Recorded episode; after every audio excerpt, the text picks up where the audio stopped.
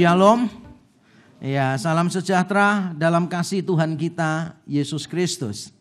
Bagi Bapak Ibu Saudara yang masih ingat khotbah minggu yang lalu, kita belajar tentang carut marut sebuah keluarga, yaitu keluarga Abraham. Dan bagi Bapak Ibu Saudara yang kaget, bagaimana bisa Bapak orang beriman, tokoh besar di dalam Alkitab, kok keluarganya carut marut? Maka minggu yang lalu saya juga sudah mengingatkan bahwa ternyata hampir semua keluarga di dalam Alkitab tidak ada yang harmonis. Kecuali mungkin ada orang yang berkata keluarganya Yusuf dan Maria tidak pernah bertengkar satu dengan yang lain. Tapi kalau saudara lihat keluarga Abraham berantakan, keluarga Daud jauh lebih berantakan lagi. Saya belum pernah memberikan konseling kepada pasangan suami istri atau sebuah keluarga yang jauh lebih buruk daripada keluarga Daud. Bagaimana bisa dia mengambil istri orang, dia menghamili, membunuh suami dari perempuan itu, lalu istri-istrinya sendiri diajak bersetubuh oleh anaknya sendiri saudara yang bernama Absalom. Saya belum pernah menemukan kerumitan keluarga yang melebihi kerumitan keluarga Daud. Dan masih banyak tokoh Alkitab yang lain yang hidupnya dan keluarganya benar-benar berantakan. Tapi di dalam tangan Tuhan, anugerah Tuhan selalu cukup untuk memulihkan. Karena itu kalau Bapak Ibu Saudara berkata, aku dari keluarga yang broken home, aku dari keluarga yang disharmonis, aku nggak bisa get along with my parents gitu. Atau parents mungkin berkata, aku rasanya kurang dihargai oleh anak-anakku. Dan kalau saudara merasa bahwa keluarga saudara benar-benar berada di dalam jurang dan semakin lama semakin terpuruk, maka ada harapan bagi setiap orang. Karena Tuhan adalah Tuhan yang maha pengasih bagi kita. Dia Allah yang penuh rahmat bagi kita. Sehingga saudara, saya ingin mengatakan bahwa kehancuran bukanlah pasal yang terakhir di dalam kitab kehidupan. Kehancuran bukanlah pasal terakhir di dalam kitab kehidupan. Karena kita tahu bersama Allah kita adalah Allah yang terus akan memulihkan hidup kita. Jadi kehancuran bukanlah pasal terakhir di dalam kehidupan, bukan pasal terakhir di dalam pernikahan, tetapi pasal yang terakhir adalah pemulihan yang beranugerah dari Tuhan. Mari kita membuka Alkitab kita atau kalau mau membaca di layar saya sudah tampilkan, mari kita membuka di dalam 2 Korintus pasal yang kelima, 2 Korintus pasal yang kelima, saudara kita membaca ayat 16 sampai 19 Secara bergantian saya memulai lebih dahulu 2 Korintus pasal 5 ayat 16 sampai 19 beginilah bunyi firman Tuhan. Sebab itu kami tidak lagi menilai seorang juga pun menurut ukuran manusia dan jika kami pernah menilai Kristus menurut ukuran manusia, sekarang kami tidak lagi menilainya demikian. Jadi siapa yang ada di dalam Kristus, ia adalah ciptaan baru, yang lama sudah berlalu, sesungguhnya yang baru sudah datang. Dan semuanya ini dari Allah yang dengan perantaraan Kristus telah mendamaikan kita dengan dirinya dan yang telah mempercayakan pelayanan pendamaian itu kepada kami. Sebab Allah mendamaikan dunia dengan dirinya oleh Kristus dengan tidak memperhitungkan pelanggaran mereka. Ia telah mempercayakan berita pendamaian itu kepada kami. Amin. Surat 2 Korintus ditulis oleh Paulus dengan beberapa maksud. Salah satunya adalah untuk menjelaskan hubungan dia dengan jemaat Korintus yang tidak harmonis. Sebagaimana kita tahu, Paulus merintis gereja di Korintus. Nanti baca kisah Rasul pasal 18, dia yang merintis jemaat di situ. Lalu setelah jemaat itu berkembang, maka terjadi masalah. Sebagian jemaat ternyata kurang respect dengan Paulus. Maka di satu Korintus disebutkan ada yang berpihak lebih memilih Petrus, ada yang lebih memilih Apolos. Dan keadaan ini tampaknya menjadi lebih buruk ketika surat 2 Korintus ditulis karena mereka ternyata bukan cuma lebih menyukai rasul-rasul lain, tetapi mereka juga lebih menyukai rasul-rasul palsu. Di tengah ancaman rasul-rasul palsu seperti itulah Paulus menuliskan surat 2 Korintus. Dan pasal yang tadi kita baca juga berkaitan dengan rasul-rasul palsu. Kalau nanti Bapak Ibu Saudara pulang rumah baca ayat-ayat di atasnya di dalam pasal yang sama, maka kita akan menemukan ada rasul-rasul palsu yang menyombongkan diri. Mereka menganggap dirinya lebih hebat daripada Paulus dan jemaat Korintus termakan dengan omongan para rasul palsu itu.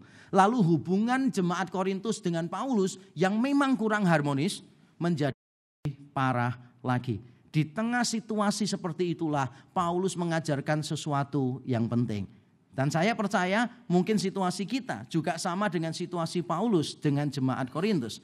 Mungkin kita berada dalam disharmoni relasi. Mungkin itu antara suami istri, mungkin orang tua dan anak, mungkin mertua dan menantu, atau mungkin kita dengan sahabat yang lain, dengan teman pelayanan. Kita mengalami yang disebut disharmoni di dalam relasi kita. Kalau kita mengalami itu, maka kita perlu mengetahui dua kunci menuju pemulihan. Kalau kita ingin hubungan kita dipulihkan oleh Tuhan, karena Tuhan tidak ingin kehidupan kita itu pasal terakhirnya kehancuran. Tuhan ingin pasal terakhirnya itu pemulihan. Maka kalau kita ingin kita dipulihkan oleh Tuhan, Tuhan di dalam anugerahnya itu melibatkan kita. Dan ada dua kunci yang kita harus perhatikan. Yang pertama adalah perubahan cara pandang di dalam Kristus.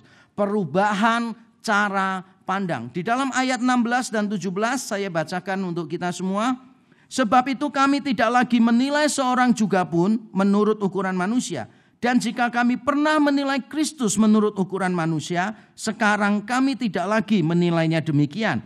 Jadi siapa yang ada di dalam Kristus, ia adalah ciptaan baru. Yang lama sudah berlalu, sesungguhnya yang baru sudah datang. Ketika hubungan Paulus dengan jemaat Korintus sedang retak, renggang, maka Paulus mengajarkan sebuah seni, yaitu mengubah cara pandang. Dan Paulus mengakui dia dulu juga melakukan kesalahan ini. Dia salah memandang. Padahal cara pandang itu penting. Cara pandang mempengaruhi keputusan, keputusan mempengaruhi tindakan. Saya ngambil satu contoh supaya kita paham betapa pentingnya cara pandang. Jadi ada suami istri yang bertengkar terus begitu saudara. Istrinya itu nggak bisa bertahan dengan suaminya yang kalau bicara tuh selalu ketus gitu saudara. Kalau bicara baik-baik itu bisa tapi dia nggak mau. Selalu ingin menyakiti, selalu ingin menyakiti. Dan istrinya itu ketika curhat, sharing gitu biasanya saya tanya kan gitu. Apakah suamimu ini di dalam keluarganya semua modelnya kayak begini? Orang kalau sudah bertengkar suami istri ditanya apakah keluarga besar pasanganmu kayak begini semua. Wah dapat angin segar bener atau betul? Langsung dia berkata amin pak itu dia persoalannya pak. Dia itu satu keluarga besar modelnya gitu semua pak. Kalau ngomong semuanya beralkohol semua pak begitu kan. Terus orang ini memang ketus pak. Dari kecil dia tuh sering buat masalah. Wah semangat dia menjelek-jelekan suami dan keluarga besarnya. Tapi pada waktu dia semangat menjelek-jelekannya, saya bilang begini, justru di situlah poinnya. Kamu harus mengubah cara pandangmu. Suamimu ini bukan pelaku, tapi dia korban sama seperti kamu. Dia korban, korban dari pola asuh yang ngawur, korban dari pengalaman traumatisnya dia sendiri.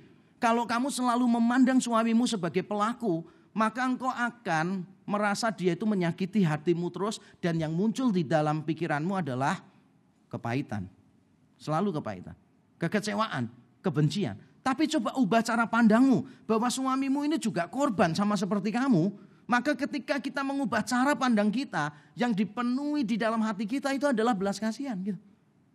Nanti hati kita akan penuh dengan belas kasihan, akan penuh dengan pemahaman dan kita bisa berkata begini, kalau aku jadi dia, aku mungkin juga akan berpikir seperti itu. Kalau aku jadi dia, belum tentu aku tuh bisa lebih baik dari dia dengan masa lalu yang seperti itu. Itu namanya mengubah cara pandang. Dan Paulus mengajarkan ini kepada jemaat di Korintus. Mengubah cara pandang penting untuk memperbaiki sebuah hubungan. Dan Paulus mulai dengan kata yang bagus yaitu kata sebab itu. Sebab itu Paulus mengalami perubahan cara pandang. Sebab apa saudara?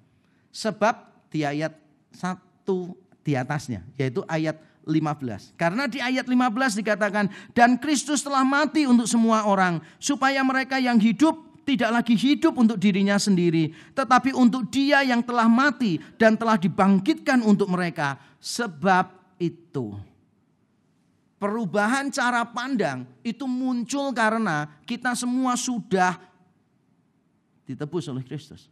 Perubahan cara pandang itu muncul karena hidup kita sudah berubah.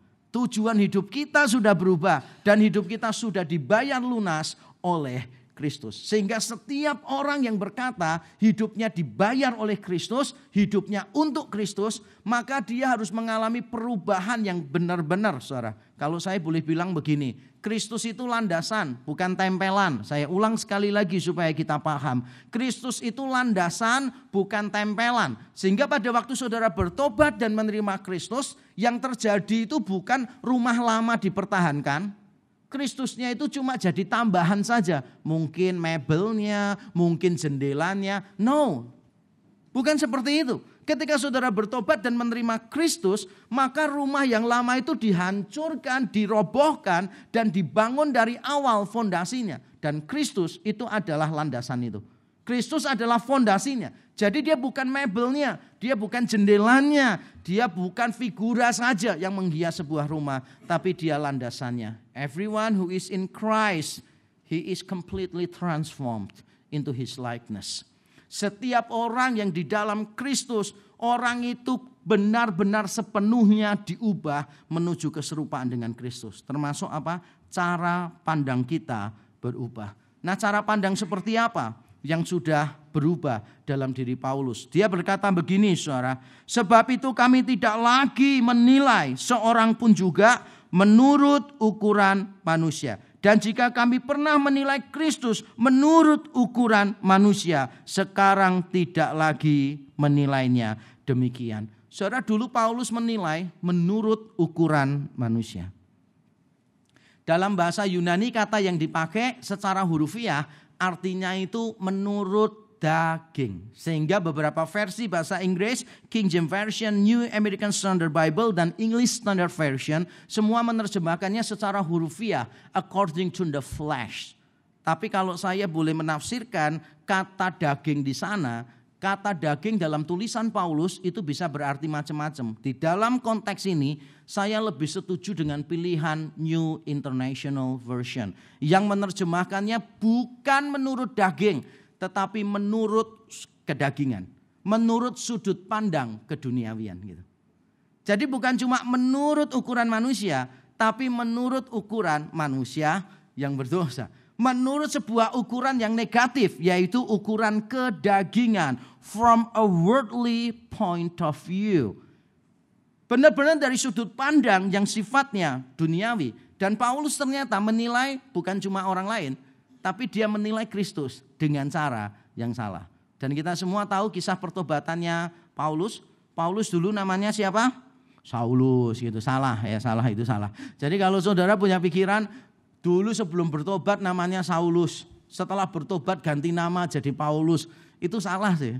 Benar-benar salah tapi populer ya terkenal. Jadi Paulus itu orang Yahudi tinggalnya itu di perantauan dan dia warga negara Romawi. Sehingga wajar kalau Paulus itu punya dua nama sekaligus. Dia punya nama Latin dan dia punya nama Yunani gitu loh saudara.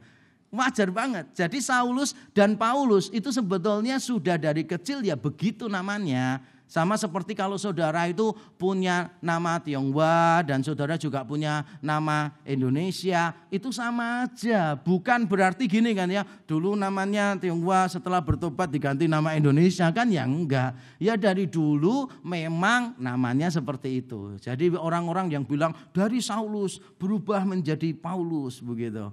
Enggak sih, itu salah. Nah anyway, saya enggak mau bahas itu, saya cuma mau bilang gini supaya kelihatan saya baca banyak buku. Nah, nah maksudnya begini saudara, Paulus sebelum bertobat, saudara, Paulus sebelum bertobat, dia itu melihat Yesus sebagai apa? Dia melihat Yesus sebagai nabi palsu, sebagai penghujat Allah. Dan saya bisa paham kenapa dia punya pandangan begitu. Coba berbelas kasihan kepada Paulus sebentar ya. Tempatkan diri Bapak Ibu Sarah dalam posisi Paulus. Paulus orang Farisi. Jadi dia menganggap bahwa manusia bisa berbuat baik untuk memperkenankan hati Allah. Manusia bisa diselamatkan dengan perbuatan baik. Itu konsepnya orang-orang Farisi. Benar ya? Dan dia membuat aturan-aturan itu banyak orang Farisi itu luar biasa saudara. Satu perintah Alkitab itu bisa jadi 40 poin. Satu perintah bisa jadi 40 poin. Coba saya tanya ya, yang usianya di atas 40 tahun. Tolong ingatkan saya karena saya lupa. Usia saya soalnya tidak segitu. gaya ya. Gitu. Oke, gini saudara, saya tanya, saudara ingat nggak istilah P4? Ayo, yang usianya di atas 40 tahun, hafal nggak P4 singkatannya apa? Pedoman, penghayatan, dan pengamalan Pancasila. Wah, mantap ya. Yang muda-muda gini, itu ada lah istilah itu gitu kan ya. Anggap aja ada ya, itu ada, ada, ada. Sekarang sudah musnah bersama dinosaurus. Oke, nah P4 itu pedoman penghayatan dan pengamalan Pancasila itu isinya begini bagi yang muda-muda. Pancasila kan ada lima sila nih. Tiap sila itu diterangkan dengan berbagai macam butirnya. Jadi satu sila bisa ada 20 butir, satu sila bisa ada 20 butir. Jadi kalau dikumpulin semua itu bisa hampir ratusan butir. Misalnya menghargai hasil karya orang lain termasuk sila keberapa? Ada yang masih hafal nggak?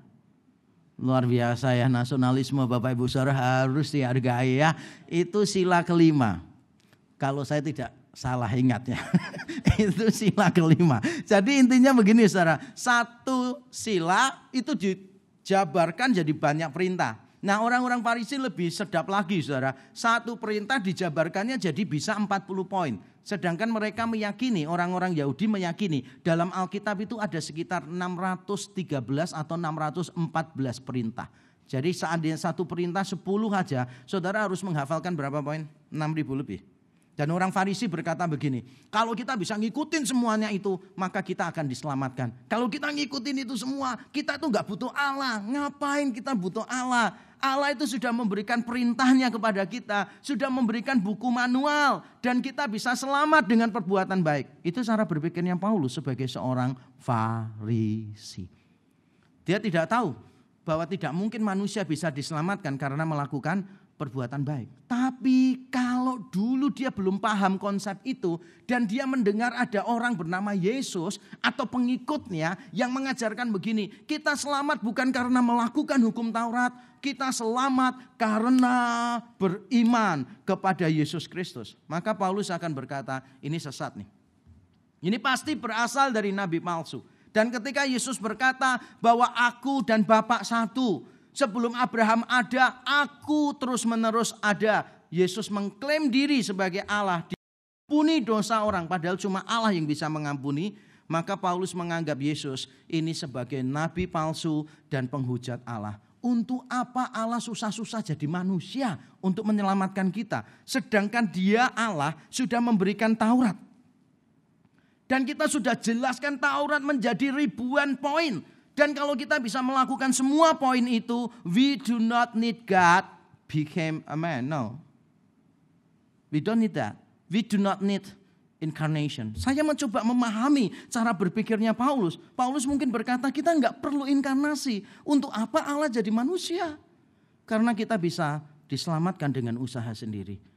Akhirnya Paulus bertobat dan mendapati bahwa tidak mungkin orang bisa diselamatkan melalui perbuatan baik. Akhirnya Paulus sadar bahwa kalau kita melanggar satu perintah itu berarti kita melanggar seluruhnya. Kalau mau selamat itu berarti harus menuruti seluruh isi hukum Taurat. Dan Paulus sadar tidak ada seorang pun yang bisa melakukan itu.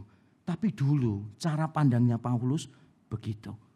Tapi dia bersyukur dia mengalami perubahan saudara. Ada sukacita yang besar ketika dia mengalami perjumpaan dengan Kristus di dalam ayat yang ke-17 dikatakan, jadi siapa yang ada di dalam Kristus, ia adalah ciptaan baru. Yang lama sudah berlalu, sesungguhnya yang baru sudah datang. Kalau dalam bahasa Indonesia tidak terlalu jelas, ini berbentuk teriakan, kayak semacam exclamation begitu. Tapi kalau saya membaca dalam teks Yunaninya dengan teliti, maka saya menduga Paulus pada waktu menulis ini, dia itu hatinya bergejolak dengan sukacita. Kenapa demikian? dalam teks Yunani sebetulnya kalimatnya nggak lengkap. Kalimatnya begini dalam teks Yunani. Jadi siapa yang ada di dalam Kristus, ciptaan baru gitu. Bukan siapa di dalam Kristus, ia adalah ciptaan baru. Ia adalah itu tambahan penerjemah.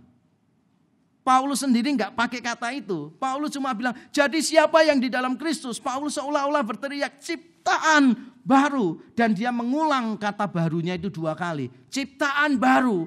Yang lama telah berlalu, yang baru sudah datang. Jadi yang barunya dua kali. Terus yang lama sudah berlalu dan dia kasih satu tambahan kata yang penting. Bahasa Indonesia menerjemahkannya sesungguhnya. Kalau dalam bahasa Yunani secara hurufiah bunyinya begini. Lihatlah, behold, behold. Lihatlah yang baru telah datang. Jadi seolah-olah kalau saya mau gambarkan ya perasaan Paulus kurang lebih kalau dibunyikan, dibacakan. Kurang lebih gini nih kalau saya mau bacakan. Jadi barang siapa di dalam Kristus ciptaan baru. Yang lama sudah berlalu. Eh lihat, lihat. Yang baru sudah datang. Seolah-olah dia dipenuhi dengan sukacita. Nah kalau semuanya baru berarti cara pandangnya juga baru. Nah saudara seberapa besarkah pembaharuan yang Kristus lakukan? Yang Kristus lakukan pembaharuannya itu luar biasa saudara. Pembaharuannya itu secara kosmik. Perhatikan baik-baik, saya terpaksa pakai istilah ini karena tidak ada istilah lain yang lebih sederhana. Pembaharuannya itu bersifat kosmik. Paulus bilang begini, jadi barang siapa di dalam Kristus ia adalah ciptaan baru. Paulus tidak bilang manusia baru. Bukan manusia baru, tapi ciptaan baru. Kira-kira kenapa Paulus menggunakan kata ciptaan? Ada yang bisa jawab nggak kira-kira? Terima kasih. Saya nggak bisa dengar dari sini. Kira-kira apa? Kira-kira apa? Mengapa Paulus menggunakan kata ciptaan? Coba, bukan manusia. Karena Paulus mau bilang begini loh saudara. Kita ini diciptakan baru dalam Kristus. Itu baru permulaan. Nanti Kristus akan memulihkan semua ciptaan langit dan bumi yang baru akan diberikan kepada kita. Menurut bahasanya kitab Wahyu atau menurut Roma pasal 8, seluruh ciptaan ini menantikan saat-saat dipulihkan dan anak-anak Allah dinyatakan di dalam kemuliaan. Jadi suara ke depan nanti Paulus itu melihat semua ciptaan itu akan dipulihkan, akan ada langit dan bumi yang baru. Dan kita ini salah satu ciptaan. Makanya Paulus sengaja tidak pakai kata manusia baru, itu dipakai dia di tempat-tempat lain. Tapi di sini dia memakai ciptaan baru, ktesis, bukan anthropos, bukan manusia, tetapi ciptaan. Jadi kalau saya boleh bilang begini saudara, restorasi di dalam Kristus itu jangan dipahaminya secara personal saja. Jangan saudara pikir yang diubahkan itu cuma kita. Jangan pikir bahwa yang direstorasi oleh Allah itu cuma hubungan kita dengan Allah. Salah loh. Yang direstorasi adalah seluruhnya. Tapi kita ini lebih dulu direstorasi. Karena kita bagian dari ciptaan kan.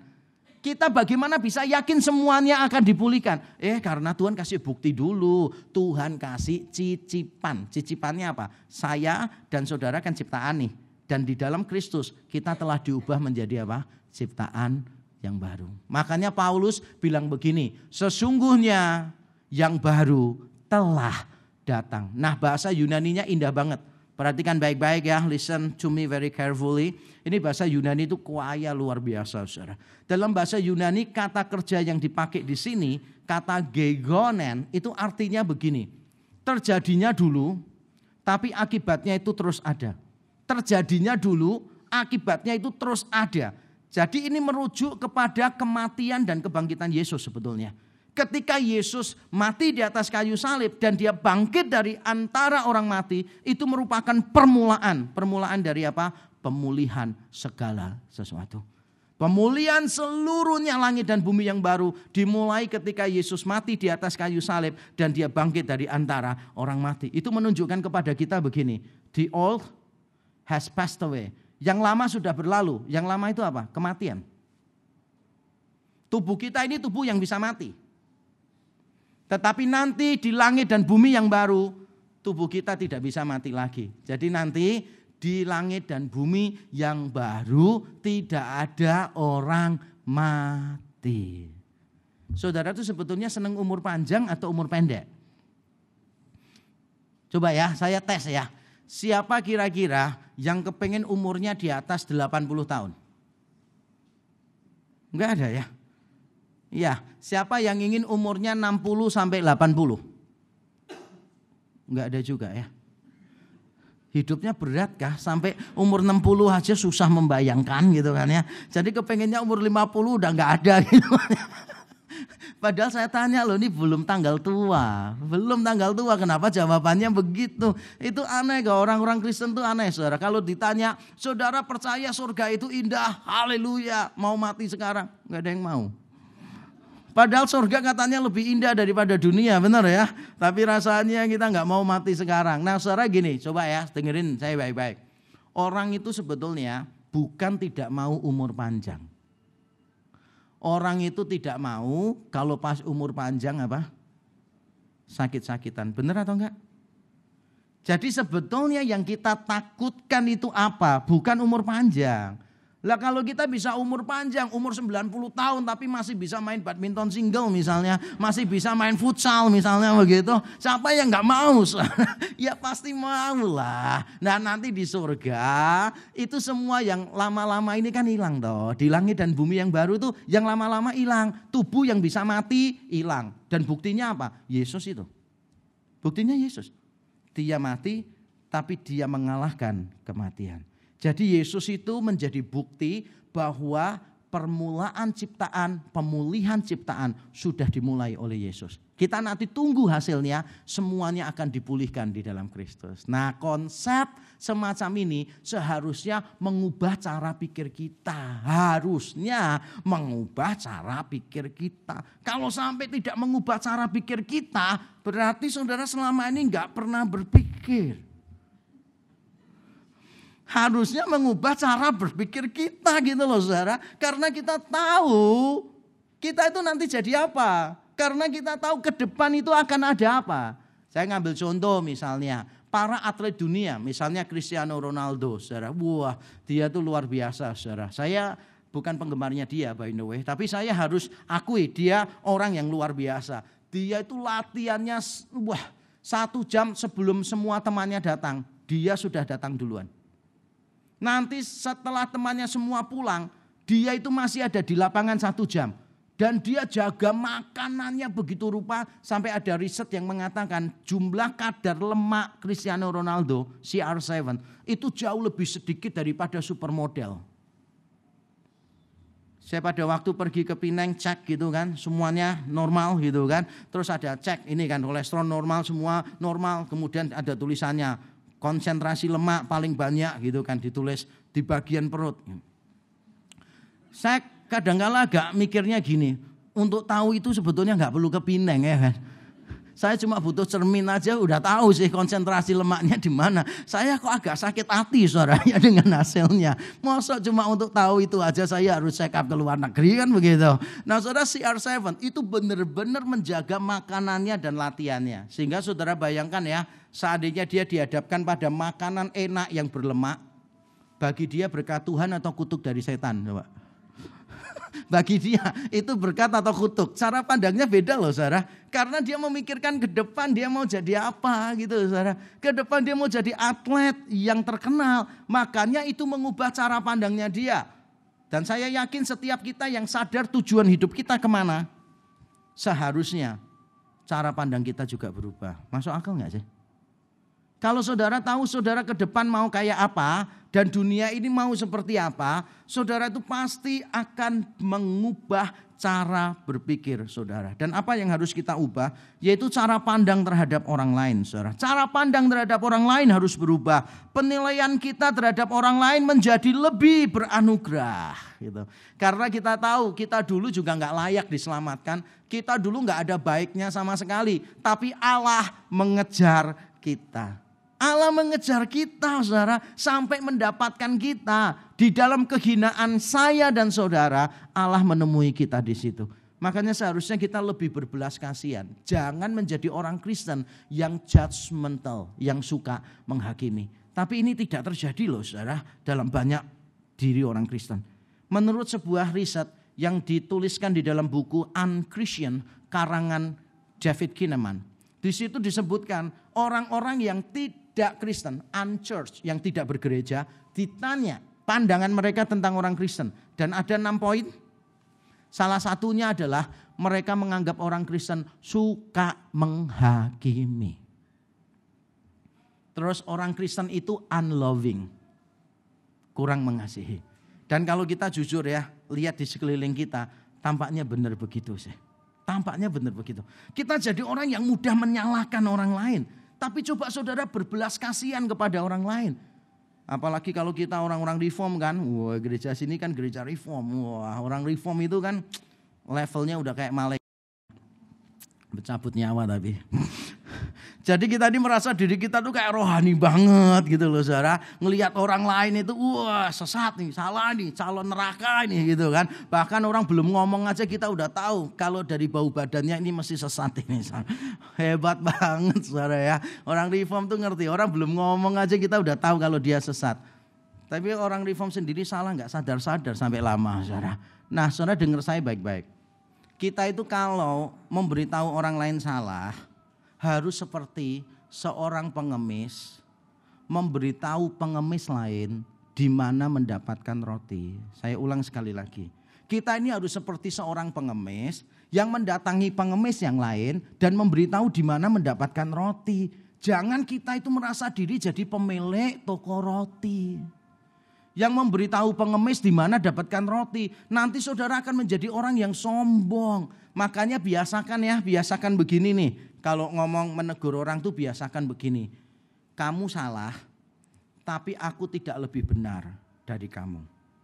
Kamu salah. Memang benar kita nggak boleh kompromikan kebenaran. Tapi kita harus menambahkan, tapi aku tidak lebih benar dari kamu.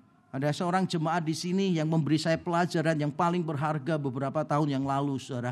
Ketika kami bincang-bincang, dia ngomong begini, Pak, kadangkala kita ini melakukan kesalahan ini, Pak, katanya dia. Kita itu melihat orang lain salah di bidang A. Dan kita menganggap orang ini jelek banget di bidang A. Padahal kita tidak sadar, mungkin di bidang-bidang lain kita lebih jelek dari orang itu. Dan nasihat itulah yang saya simpan di dalam hati saya. Makanya ketika saya melihat orang lain salah tentang satu hal, saya selalu tidak kompromi. Saya selalu bilang, kamu salah, tapi aku tidak lebih benar dari kamu. Karena mungkin di bidang itu aku lebih baik, tapi di bidang lain aku lebih buruk. Saudara mari kita mengingat bahwa ketika kita memberitahu orang lain, ingatlah bahwa kita adalah orang berdosa yang sedang memberitahu orang berdosa yang lain. Jangan merasa kita sebagai orang yang kudus yang memberitahu orang yang berdosa. No. Makanya kita bisa berbelas kasihan kalau kita selalu mengingat who we are. We are sinners. Amin. We are sinners. Selama saudara tidak menyadari bahwa you are sinners, saudara cuma menekankan we are saints. Kita ini orang-orang kudus dalam Kristus. Kita ini orang-orang kudus dalam Kristus. Maka saudara akan jadi orang yang sombong. Karena saudara nggak paham, kita dikuduskan di dalam Kristus, menjadi orang-orang kudus di dalam Kristus. Itu bukan karena perbuatan kita baik, bukan. Tapi karena Kristus kekudusannya diperhitungkan menjadi kekudusan kita. Jadi nggak ada yang perlu kita sombongkan, saudara. Mari belajar untuk melihat orang lain dengan cara yang lebih berbelas kasihan. Juga harus ada perubahan cara pandang terhadap keadaan, saudara. Kita tidak boleh kehilangan harapan. Kalau langit dan bumi semuanya akan dipulihkan, masakan sih pernikahan kita nggak bisa dipulihkan. Kalau semua ciptaan akan dipulihkan, masakan sih hubungan kita nggak bisa dipulihkan, saudara Ketika saudara menghadapi persoalan yang berat, saudara perlu mengingat. Jangan pernah kehilangan pengharapan. Minggu lalu saya memberitahu Bapak Ibu saudara, persoalan terbesar di dalam pernikahan adalah kehilangan harapan. Saya sudah menyaksikan ada orang yang persoalannya berat luar biasa saudara. Sampai saya berpikir dalam hati begini, wih kalau aku jadi suaminya mungkin aku gak tahan kalau istriku jadi istri kayak ini istrinya dia, mungkin juga nggak tahan.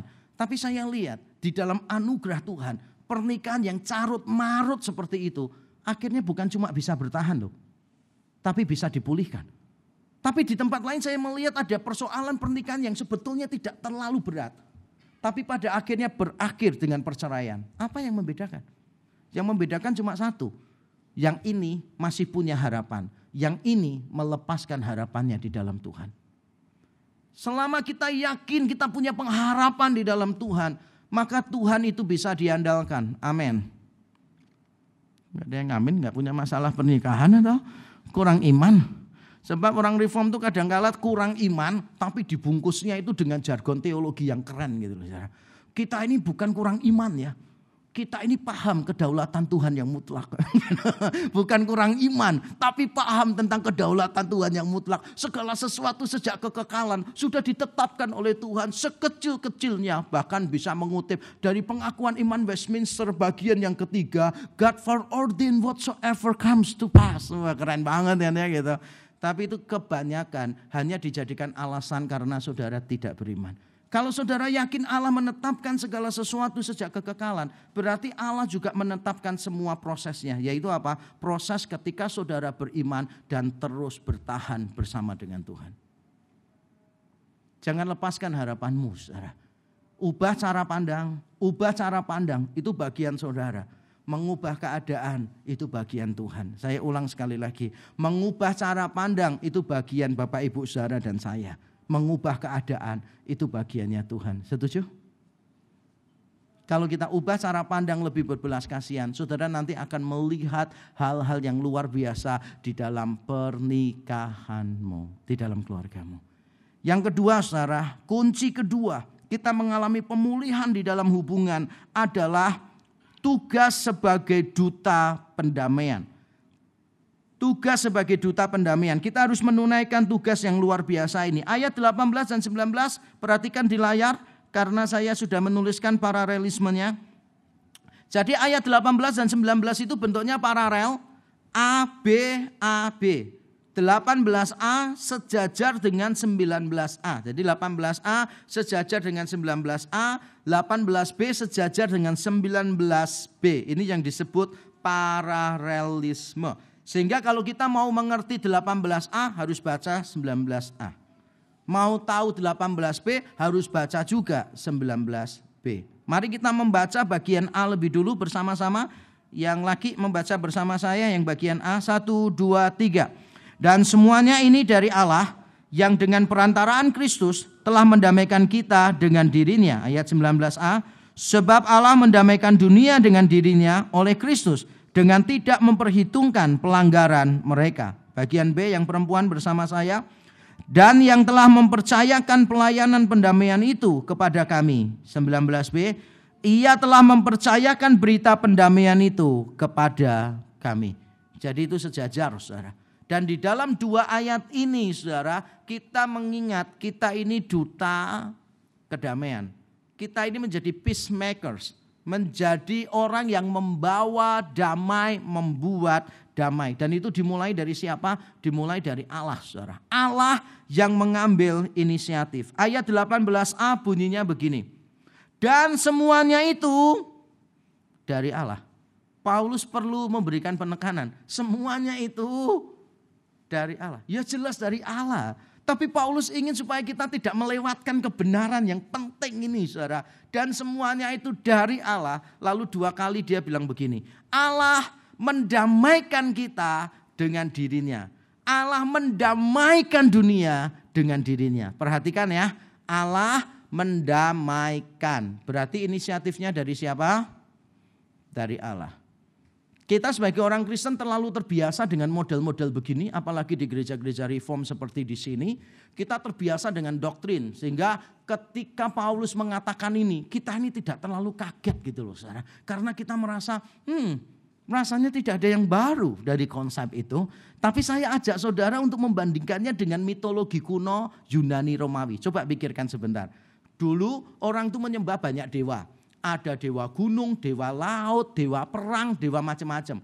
Seandainya, saudara, seandainya ada gunung berapi meletus dan menimbulkan bencana yang parah, kira-kira apa yang ada di dalam pikiran para penyembah dewa tadi? Apa yang ada dalam pikiran mereka? Kira-kira apa? Dewanya sedang marah, dewanya sedang marah. Nanti kalau mereka melakukan peperangan dan kalah, mereka punya pikiran gini, kita salah apa ya? Salah apa ya? Salah apa ya? Gitu. Salah apa ya? Salah apa ya? Ini mirip dengan beberapa hamba Tuhan dari aliran tertentu. Nanti kalau disuruh doakan orang sakit, selalu pertanyaan pertama bukan sudah berapa lama sakit? Enggak. Pertanyaannya gini, dosa apa ya? Bapak Ibu punya dosa apa nih kok sampai sakit? Enggak Pak Pendeta, saya sudah lihat hati saya kok Pak. Saya sudah nyelidiki terus Pak sehari ini loh Pak. Saya ini enggak, enggak salah. Hmm ini dia yang membuat kamu sakit ini. Kamu memiliki kesombongan rohani. Kamu tuh mengeraskan hatimu. Semua orang itu berdosa. Makanya kamu sakit. Lah kenapa pendetanya enggak sakit? Pendetanya kan juga berdosa sebetulnya. Jadi ada orang Kristen tertentu yang punya pikiran kalau kita itu lagi mengalami kemalangan berarti semuanya pasti dia katakan dosa. Belum tentulah. Ayub juga mengalami kemalangan kok tetapi dia tidak berdosa. Ngerti maksud saya? Nah zaman dulu kalau orang kalah perang, wah, wah dewanya marah. Kira-kira ya yang dilakukan para pemujanya apa? Kalau mereka tahu, wah dewa gunung marah, Dewa laut marah, dewa sungai marah sampai terjadi banjir gitu kan. Dewa perang marah, makanya kita kalah terus. Yang dilakukan oleh orang-orang itu apa? Memberikan sesajen, benar sekali. Manusia harus melakukan sesuatu. We as humans, we have to do something. Kita yang harus melakukannya sebagai manusia. Kita yang harus mendamaikan diri kita dengan dewa itu. Usaha kita lah yang akhirnya mendamaikan kita dengan dewa. Tapi di dalam Kristus yang terjadi adalah kebalikannya. Bukan kita yang mendamaikan diri kita dengan Allah. Tetapi Allah yang mendamaikan dirinya dengan kita. Allah yang mendamaikan kita dengan dirinya. Jadi Allah yang mengambil inisiatif untuk mendamaikan kita. Saudara, wah luar biasa. Ada satu lagu itu terkenal saudara, judulnya provokatif banget. Judulnya itu Reckless Love. Saya sudah menulis artikel tentang lagu ini, apakah lagu ini boleh dinyanyikan atau tidak. Karena beberapa orang reform, wah itu kan sangat cermat melihat lirik gitu. Jadi mereka merasa kata reckless ini tidak pantas dipakai untuk kasih Allah. Tapi anyway nanti baca lengkap ulasan saya di internet di rec.or.id. Tapi saya hanya mau mengatakan begini maksud di balik lagu itu tuh luar biasa. Lagu itu ingin memberitahu kita begini, sekali Allah mengasihi kita, maka dia tidak peduli harganya. Dia mengasihi kita dan dia akan terus menerjang. Kalau ada tembok dia akan terjang temboknya. Kalau ada apa pun dia akan terjang untuk apa? Untuk mendapatkan kita. Kalau saudara mau hubungannya dipulihkan, harus ngambil inisiatif dulu sama seperti Allah mengambil inisiatif mendamaikan kita dengan dia. Salah satu mitos pernikahan yang saya sering bagikan kepada mereka yang mau menikah di sini. Mitosnya adalah ini. Jalan tengah gitu. Gini, nikah tuh gampang. Yang penting kalau ada masalah cari jalan tengah. Ini mitos ya, garis bawahi. Ini mitos. Karena orang itu selalu merasa sudah lebih dulu di tengah. Yang suka berkelahi bilang amin. Yang suka bertengkar sama pasangannya bilang amin, saudara. Kita itu kadang-kadang merasa gini, aku ini kurang ngalah apa sih? Aku kurang mengalah apa? Aku sudah di tengah nunggu kamu gitu loh. Kok enak aku terus menerus yang ngalah? Kamu kenapa gak ada usaha? Bener atau betul? Makanya Alkitab mengajarkannya bukan jalan tengah. Alkitab mengajarkannya yang kuat menanggung yang lemah. Jadi jalan aja. Kalau saudara merasa kuat, lebih benar, wah gitu kan, lebih kuat dari pasangan saudara, iya jalan terus saja di tengah. Lo pasangannya kok belum ada di tengah, jalan terus, jalan terus sampai ketemu pasanganmu, di mana pun dia ada, temui dia di situ. Setelah itu digendong. Bayangkan seandainya Tuhan menunggu kita di tengah. Seandainya Tuhan menunggu kita di tengah dan cuma teriak, ayo, ayo, ayo, aku sudah kasih petunjuk jalan nih, ayo, ayo. Maka saya yakin tidak ada satupun di antara kita yang diselamatkan. Saya bersyukur Tuhan tidak berhenti di tengah. Saya bersyukur Tuhan sampai mati mengasihi kita. Sebab kalau dia tidak sampai mati, kita yang setengah mati. Ngerti maksud saya? Kalau Tuhan mengasihi kita tidak sampai mati, kita yang setengah mati, saudara. Tapi saya bersyukur bahwa dulu ketika saya orang berdosa, ketika Tuhan cari saya, saya lari terus. Ketika Tuhan cari saya, saya mengata-ngatai yang buruk terhadap dia. Tapi dia tidak pernah menyerah untuk terus mengejar saya. I am so grateful for his reckless love for me. Dia selalu mengambil inisiatif. Bukan cuma dia mengambil inisiatif saudara, tetapi Allah juga adalah Allah yang mempercayakan berita pendamaian itu kepada kita. Dia adalah Allah yang mempercayakan berita pendamaian itu kepada kita. Dua kali Paulus mengatakan, dan ia telah mempercayakan berita pendamaian itu kepada kami. Secara setiap kita bukan cuma didamaikan dengan Allah, tetapi kita dijadikan duta damai oleh Allah. Jadi kalau boleh pakai kalimat yang saya sering pakai, kalimatnya begini saudara. Allah bekerja di dalam kita supaya dia bisa bekerja melalui kita. Allah bekerja di dalam kita, yaitu mendamaikan kita dengan dirinya. Supaya Allah bisa bekerja melalui kita, yaitu melalui kita. Kita membawa damai Allah kepada orang-orang yang belum mengenal Kristus. Kita membawa damai Allah kepada keluarga kita mungkin. Kita sebagai orang Kristen harus benar-benar sadar kita bukan cuma didamaikan dengan Allah, tetapi kita diberi berita pendamaian untuk disampaikan kepada orang lain dan Paulus sangat mengerti itu dan Paulus melakukannya. Nanti pulang rumah saudara membaca di ayat-ayat sebelumnya ayat 12 sampai 14. Paulus bercerita tentang rasul-rasul palsu itu yang menjelek-jelekkan dirinya, tapi Paulus tetap berkata begini, sebab kasih Kristuslah yang menguasai kami. Saya tahu ketika kita dijelek-jelekan orang lain, kita tuh ingin balas. Ketika kita dijelek-jelekkan oleh orang lain, kita tuh kepengen membalas. Tapi dengar kalimat saya baik-baik. Kalau ketika engkau dijelek-jelekan dan engkau ingin balas menjelekkan orang lain, berarti engkau benar-benar jelek sih. Sungguh. Ketika kita dijelek-jelekan oleh orang lain dan kita khawatir orang lain nanti percaya omongan itu, lalu kita berusaha membalas orang itu, berarti kita benar-benar jelek. Coba ya, saya tanya kepada saudara. Yang membuat hinaan itu sakit apa? Yang membuat hinaan itu sakit apa?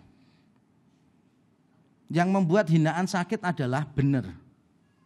Saya ulang ya, lagi ya. Yang membuat hinaan sakit itu karena benar. Misalnya ya, saudara itu dihina orang, misalnya gini, weh jelek gitu mukamu, jelek gitu mukamu gitu. Lihat orang, lihat kamu tuh mataku sakit.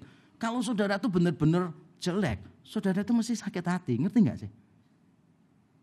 Tapi seandainya saudara tuh ganteng, ada orang ngomong gitu, saudara sakit hati nggak? Susah, mungkin saudara nggak ganteng ya, sulit bayangkan ya kan ya. Saya tanya diri saya sendiri lah saudara ya. Seandainya orang ngomong gitu tentang saya saudara. gitu kan.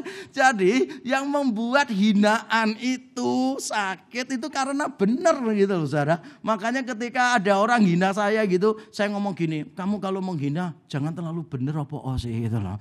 Itu menyakitkan gitu loh saudara. Ya bayangin ya saudara kaya raya. Terus orang lain ngomong gini. Eh kamu tuh miskin tahu nggak gelandangan kamu tuh nggak punya apa-apa. Loh itu bukan hinaan di telinga saudara. Itu apa? Gurauan. Ayo benar atau enggak? Itu gurauan. Karena enggak sesuai dengan kenyataan. Makanya kalau ada orang yang menjelek-jelekan saudara dan saudara ingin balas menjelek-jelekan dia, berarti saudara benar-benar Ayo jawab yang keras. Berarti saudara benar-benar jelek gitu loh saudara. Tapi kalau saudara merasa bahwa fitnahan itu nggak benar, saudara merasa saudara itu tidak se ah tidak serosokan itulah. Saudara tidak sesampah itulah. Saudara tahu dirimu hidup berusaha dengan integritas, maka saudara bisa tenang sih menghadapi semuanya itu. Tapi kalau engkau benar-benar rosokan, maka engkau merasa sakit. Dan ketika engkau merasa sakit karena benar, engkau berusaha untuk membalas rasa sakit itu. Saudara, apa pun yang orang lain lakukan kepada kita, kita belajar untuk mencari inisiatif berdamai dengan orang itu. Saudara. Cari inisiatif untuk berdamai. Masalah orang itu kita temui nggak mau, is okay. Saya ini sudah beberapa kali ya ngajak orang. Saya ajak makan, saya bayarin loh saudara. Nggak mau. Karena orang itu memang ada masalah dengan saya. Jadi ada kalanya orang itu tanpa tedeng aling-aling berkata, aku sudah nggak bisa percaya sama kamu. Ya udah, enggak apa-apa. Padahal saya itu bingung. Sebetulnya dalam hal ini salah saya apa gitu. Saya seolah-olah ingin menjerit seperti Daud gitu loh saudara. Aku ini banyak musuh yang membenci aku tanpa alasan. Karena saya benar-benar nggak ngerti sebetulnya salah saya di mana. Saya itu kepengen tahu salahnya di mana. Tapi saya nggak ngerti. Eh, orang yang saya rasa lebih bersalah. Ternyata nggak mau loh saudara. Saya ajak makan, saya ajak ngomong baik-baik. Ini bukan satu dua orang loh. Beberapa kali. Tapi apakah saya berhenti untuk mengambil inisiatif? Enggak. Saya tetap kalau ada waktu, saya akan kontak dia. Tetap kalau saya berjumpa dengan dia, saya tidak akan pasang tampang yang kayak apa begitu. Enggak kok. Bahkan berapa kali saya ketemu langsung saya datangi, saya salamin begitu. Pak, bagaimana kabarnya? Saya pernah cuma disalamin gini terus dilepas. Saudara. Percaya nggak sih? Di depan banyak orang. Saya itu datangi dia, saya salamin gini. Dia cuma gini langsung lepas. Dan dia tidak melihat ke arah saya lebih dari satu detik. Padahal saya ini nggak salah apa-apa sama orang ini. Jujur, saya nggak dekat sama orang ini. Dan saya nggak pernah ngomong negatif tentang orang ini. Tapi nggak apa-apa lah. Saya ngomong sama istri saya, nanti kapan-kapan kita ajak dia makan. Nanti kalau Tuhan pertemukan saya lagi dengan dia, saya nanti datangi, nanti saya pegangin tangannya terus saya likitik, ayo mau ditarik lagi kan gitu kan ya. Nggak apa-apa, oke. Okay. Penolakan itu biasa. Wong Tuhan aja datang kepada milik kepunyaannya, milik kepunyaannya tidak menerima dia kok. Mau nggak sih kita mengambil inisiatif untuk berdamai? Amin. Mungkin saat ini saudara berkata begini, iya aku menyimpan kepahitan, aku menyimpan kekecewaan, aku menyimpan kegetiran di dalam hatiku. Mari datang kepada Tuhan dan berkata, Tuhan bantu aku mengubah cara pikirku. Bantu aku mengubah cara pikirku supaya cara pandangku tuh lebih berbelas kasihan kepada orang lain. Bantu aku mengubah cara pandangku terhadap keadaan. Aku yakin bahwa kehancuran bukan pasal terakhir di dalam kehidupan. Bantu aku Tuhan untuk menjadi duta pendamaian bagi orang lain. Karena kita sudah didamaikan dengan Allah. Apa pun rasa sakit itu datang kepada Tuhan dan bilang Tuhan aku kalau melakukan itu sakit sih tapi aku mau melakukannya. Karena Tuhan dulu ketika mendamaikan kita, dia juga mengerengkuh semua kesakitan demi saya dan demi saudara. Mari kita tunduk kepala, kita berdoa. Haleluya. Mari masing-masing kita mengambil waktu untuk memberikan respons terhadap firman Tuhan ini, saudara. Yang pertama saya rindu supaya setiap kita mengambil waktu bersyukur untuk keselamatan yang besar yang Tuhan beri bagi kita dengan cuma-cuma.